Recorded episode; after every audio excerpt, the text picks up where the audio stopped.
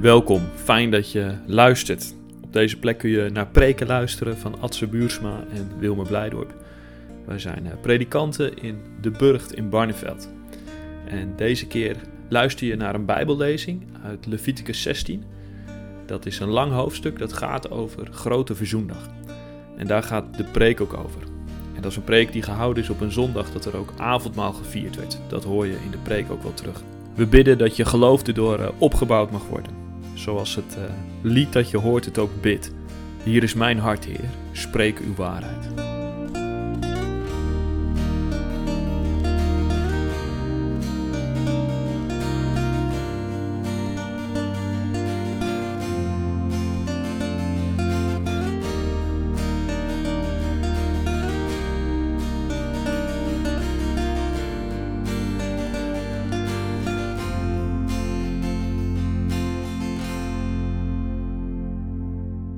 Na de dood van de twee zonen van Aaron, die stierven toen ze in de nabijheid van de Heer kwamen, zei de Heer tegen Mozes: Zeg tegen je broer Aaron dat hij niet zomaar de heilige ruimte achter het voorhangsel mag binnengaan.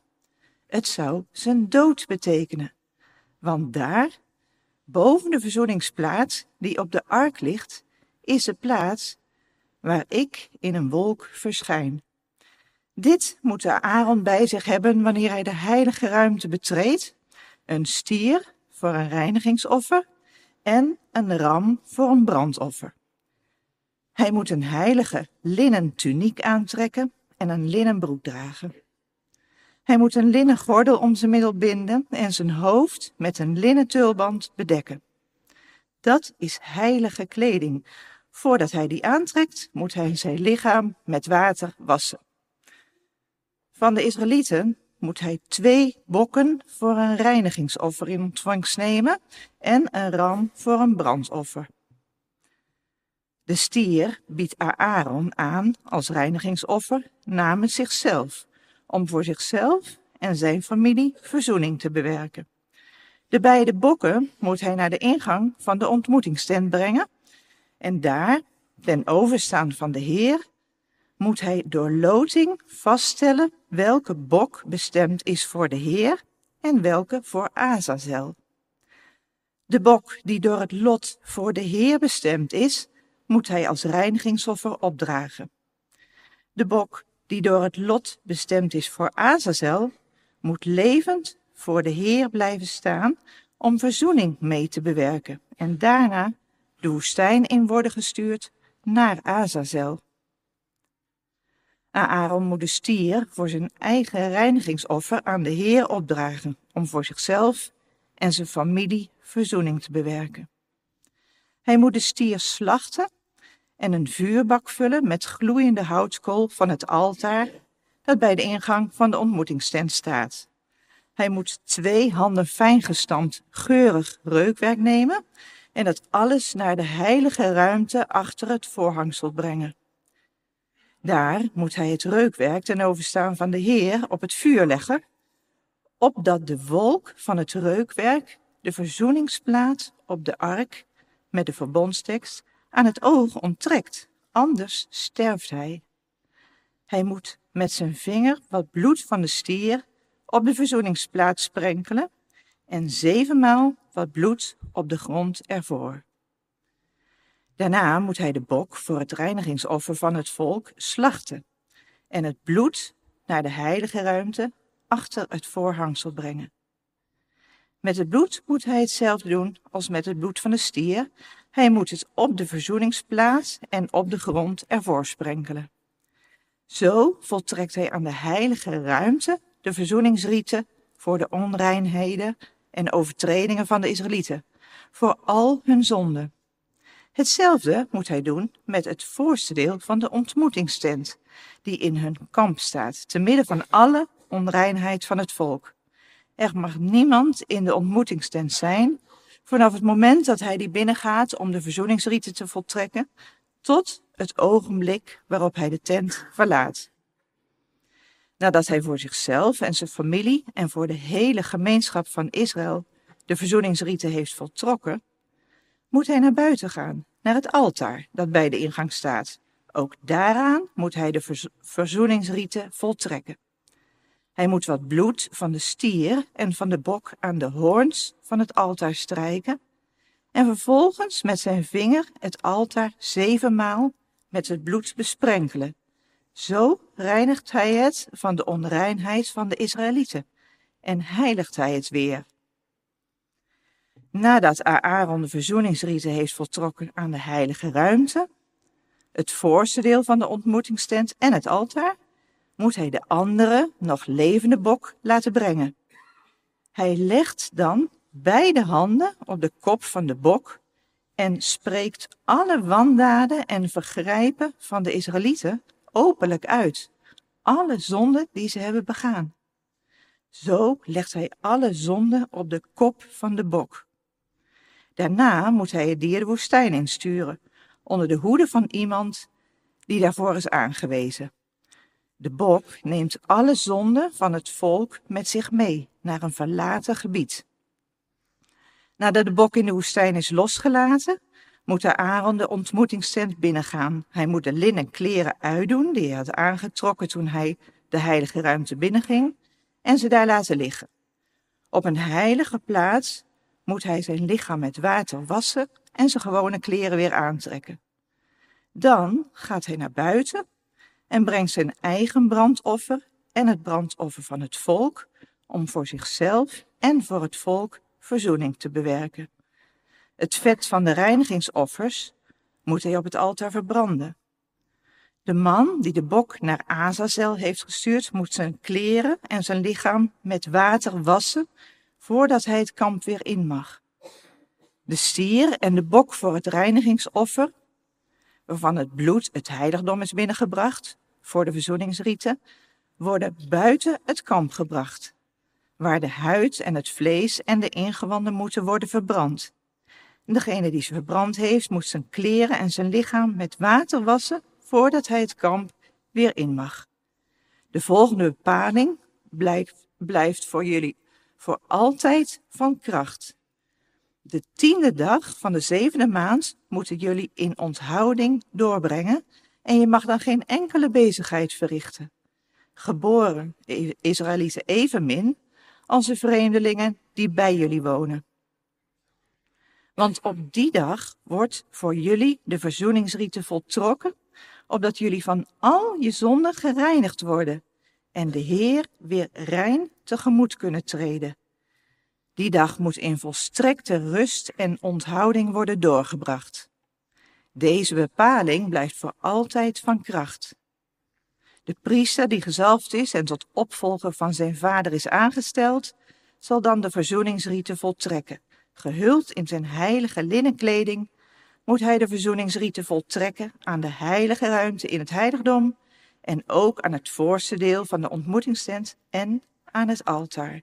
Zo bewerkt hij verzoening voor de priesters en de hele gemeenschap. Deze bepaling blijft voor jullie voor altijd van kracht. Eenmaal per jaar moet voor de Israëlieten verzoening bewerkt worden voor al hun zonden. Aaron deed wat de Heer Mozes had opgedragen.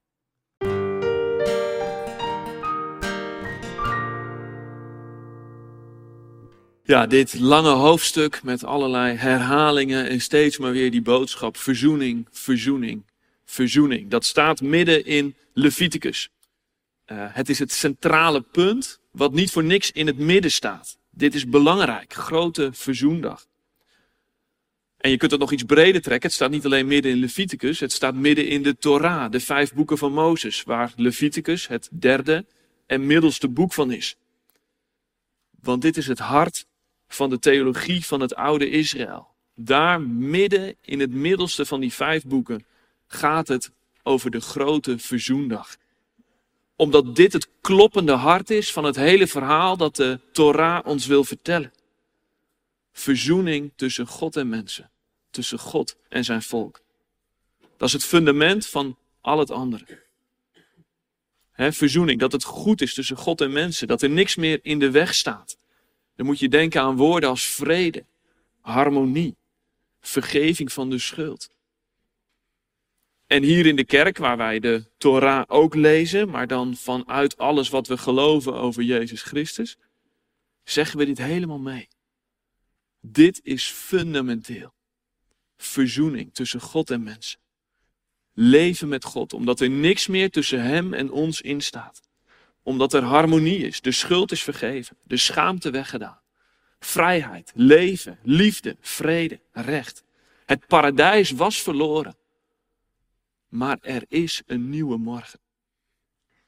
Met andere woorden, in de hele joods-christelijke traditie staat verzoening als het belangrijkste wat God ons geeft. Verzoening met Yahweh en daaruit ook verzoening met elkaar als mensen. Dus wat je ook verder allemaal over de Bijbel en geloof en de kerk kunt zeggen, dit is de harde kern. Ja, wat je ook allemaal kunt zeggen over Israël en Gaza, over Armenië en Azerbeidzjan, over Oekraïne en Rusland. Dit is de kern van alles wat goed en waar en nodig en heilzaam is. Leven met God en met elkaar in harmonie, liefde, trouw, vol van vrede, vreugde, nederigheid en goedheid. En ik haal Gaza en Israël erbij omdat het zo pijnlijk is dat wij dit hoofdstuk lezen. Dit is zo'n fundamentele tekst voor het volk Israël en alles wat uit dat volk is voortgekomen.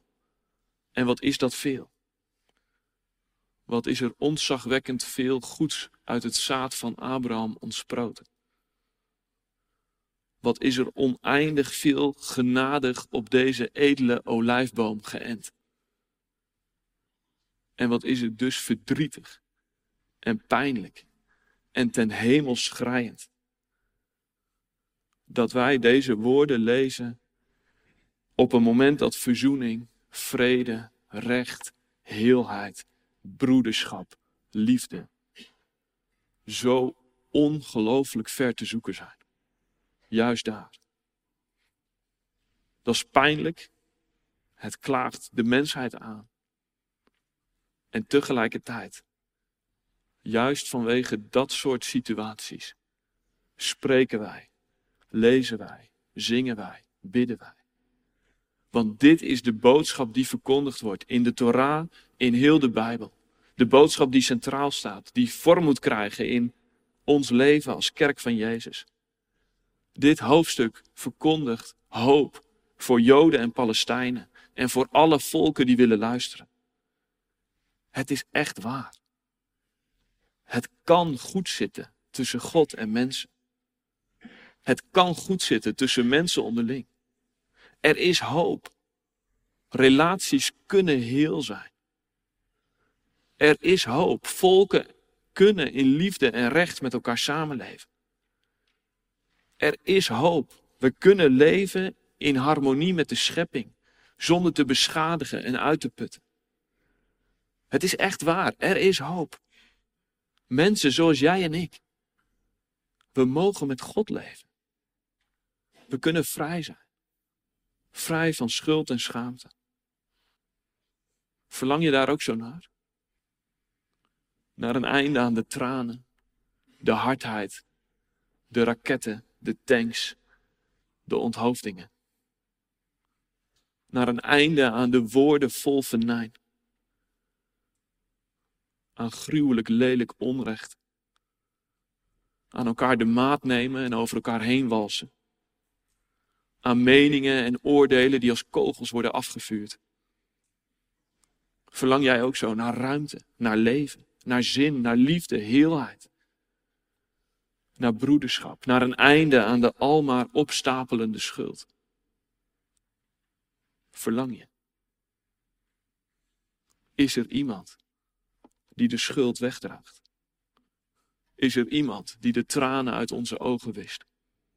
Die ons weer laat lachen? Laat dansen in het licht van de vroege morgen? Is er iemand die ons leven geeft? Een leven waarin het wel lukt met die grote woorden: vrede, vrijheid, liefde. Verlang je? Als je verlangt, dan is Grote Verzoendag precies voor jou. Want daar gaat die dag over. Het staat centraal in de Bijbel. Dat verlangen en de vervulling ervan. En die vieren we vandaag ook als we brood eten en wijn drinken. Is er iemand? Jazeker, Jezus Christus. Die jouw verzoening brengt. Die jouw leven heel maakt.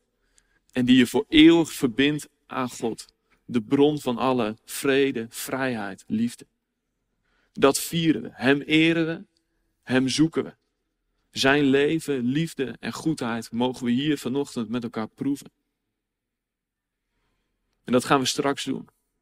Maar om Hem, Jezus Christus en zijn Vader en de Heilige Geest die van hen uitgaat te eren, wil ik eerst nog focussen op twee elementen uit het verhaal van Grote Verzoendag. Ik probeer niet te lang te zijn, omdat uit het hele hoofdstuk wel blijkt, Grote Verzoendag is een ritueel. Je moet iets doen. Er wordt niet zoveel over gepraat, er wordt vooral iets gedaan. En dat gaan wij straks ook doen. Wij gaan iets doen. We gaan naar voren komen. De ene voet voor de andere zetten. Zingen. Brood pakken. Kauwen. Slikken. De vrucht van de wijnstok proeven. En zo beleven we en vieren we verzoening. Daar kun je over praten, maar je kunt het nog beter doen. Twee dingen dus om nu nog bij stil te staan. Allereerst wil ik het hebben over de zondebok. die Israëlieten moeten uh, twee bokken geven aan de hoge priester voor het reinigingsoffer. Een van die bokken wordt ook daadwerkelijk geofferd. De andere krijgt beide handen van de hoge priester opgelegd en uh, wordt met de zonden van het volk de woestijn ingestuurd. De zondebok, de bok die de zonden wegdraagt. Nou ja, dat woord zondebok, dat kennen wij nu ook nog. Als iemand de schuld krijgt van wat is misgegaan, dan is diegene de zondebok. Als Ajax een belabberd seizoen heeft, dan moeten er koppen rollen. De trainer moet weg, of de directeur, of de raad van commissarissen, of allemaal. Of als er iets is misgegaan in de samenleving, dan gooien we er een parlementaire enquête tegenaan, of een onderzoek. En dan wijzen we aan waar en bij wie het is misgegaan. En die kan vertrekken.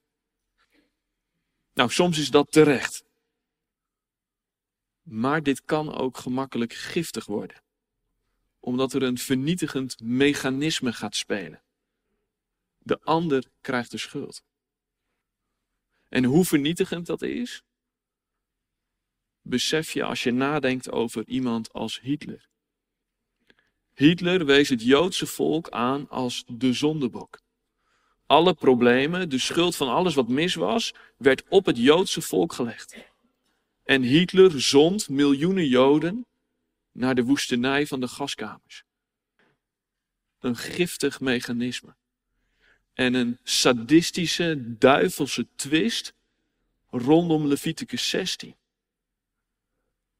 Is dat juist het Joodse volk zo vaak behandeld is als zondebok in de geschiedenis. En laten we scherp zijn dat dat niet in onze tijd opnieuw gebeurt. Maar in het groot en in het klein gebeurt dat veel vaker. Het zondebokmechanisme. Iemand anders of een groep anderen wordt aangewezen als de bron van alle problemen en het kwaad. Niet ik ben de oorzaak, niet wij zijn de oorzaak, jij, jullie, zij. En zomaar kruipen dat soort gedachten dwars door samenlevingen, gemeenschappen, families, werelddelen of door de kerk heen. En laat het een spoor van vernietiging en opgestapelde haat achter. Maar iedereen weet, als één vinger naar de ander wijst, dan wijzen er minstens drie naar jezelf. Bij wie gaat het mis? Wie is de zondige? Zodra je iemand aanwijst, kijk je niet meer naar jezelf. En dat is de kracht en het vergif van het zondebokmechanisme. Je wijst steeds naar de ander. En dat is exact het tegenovergestelde van wat in Leviticus 16 gebeurt. Niet hij, niet zij, niet hun daar. Niet die ander is de zondebok. Nee, ik ben schuldig. Het is mis met mij.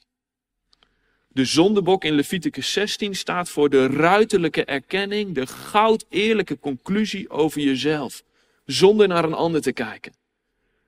Dit is wat er mis is met mij, met ons.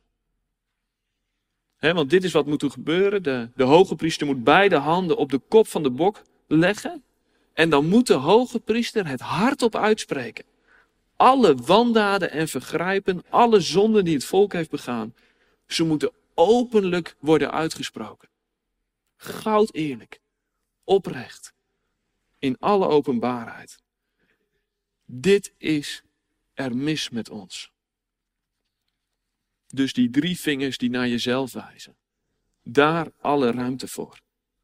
Niet naar een ander wijzen, maar zelf tevoorschijn komen met je schuld, je gebrek, je tekort, je zonde.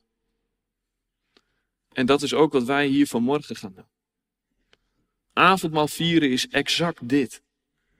Een openlijke, goud eerlijke bekentenis. Ik heb schuld. Ik ben zondig. Ik sta op. Ik kom naar voren. En ik laat dat zien. Ik heb genade nodig. Zie mij, ellendig mens. En dat is niet giftig. Nee, dat is zuiverend. Zo zuiverend als het water van de doop. Het is niet slap.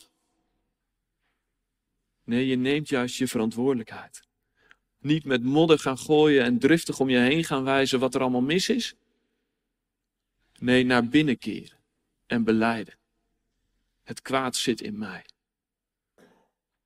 En dan omhoog kijken. Wie redt mij? God dank voor die bok die het wegdraagt.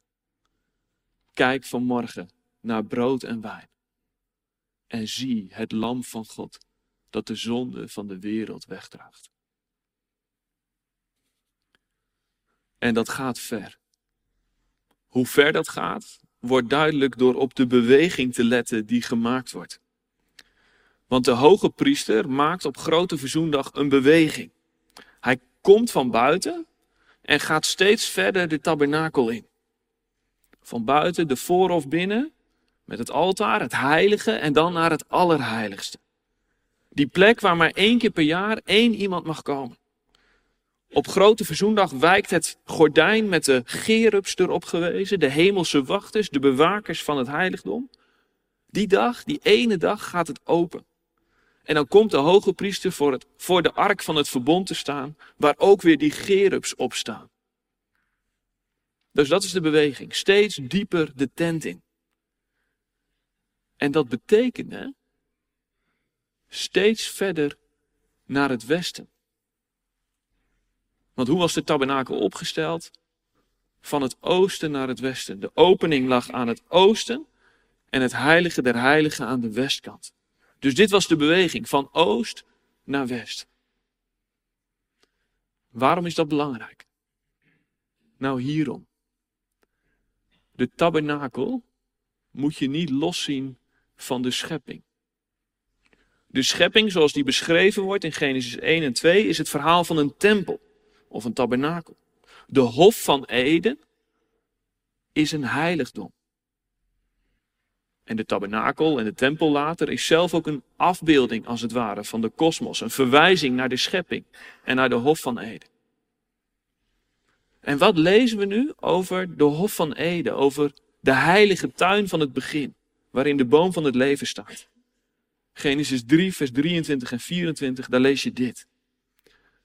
Daarom stuurde God de mens weg uit de tuin van Eden om de aarde waaruit hij was genomen te gaan bewerken. En nadat hij hem had weggejaagd, plaatste hij ten oosten van de tuin van Eden de gerubs en het heen en weer flitsende, vlammende zwaard. Zij moesten de weg naar de levensboom bewaken. Hoor je het? De ingang van de tuin ligt aan de oostkant. Daar staan de gerubs.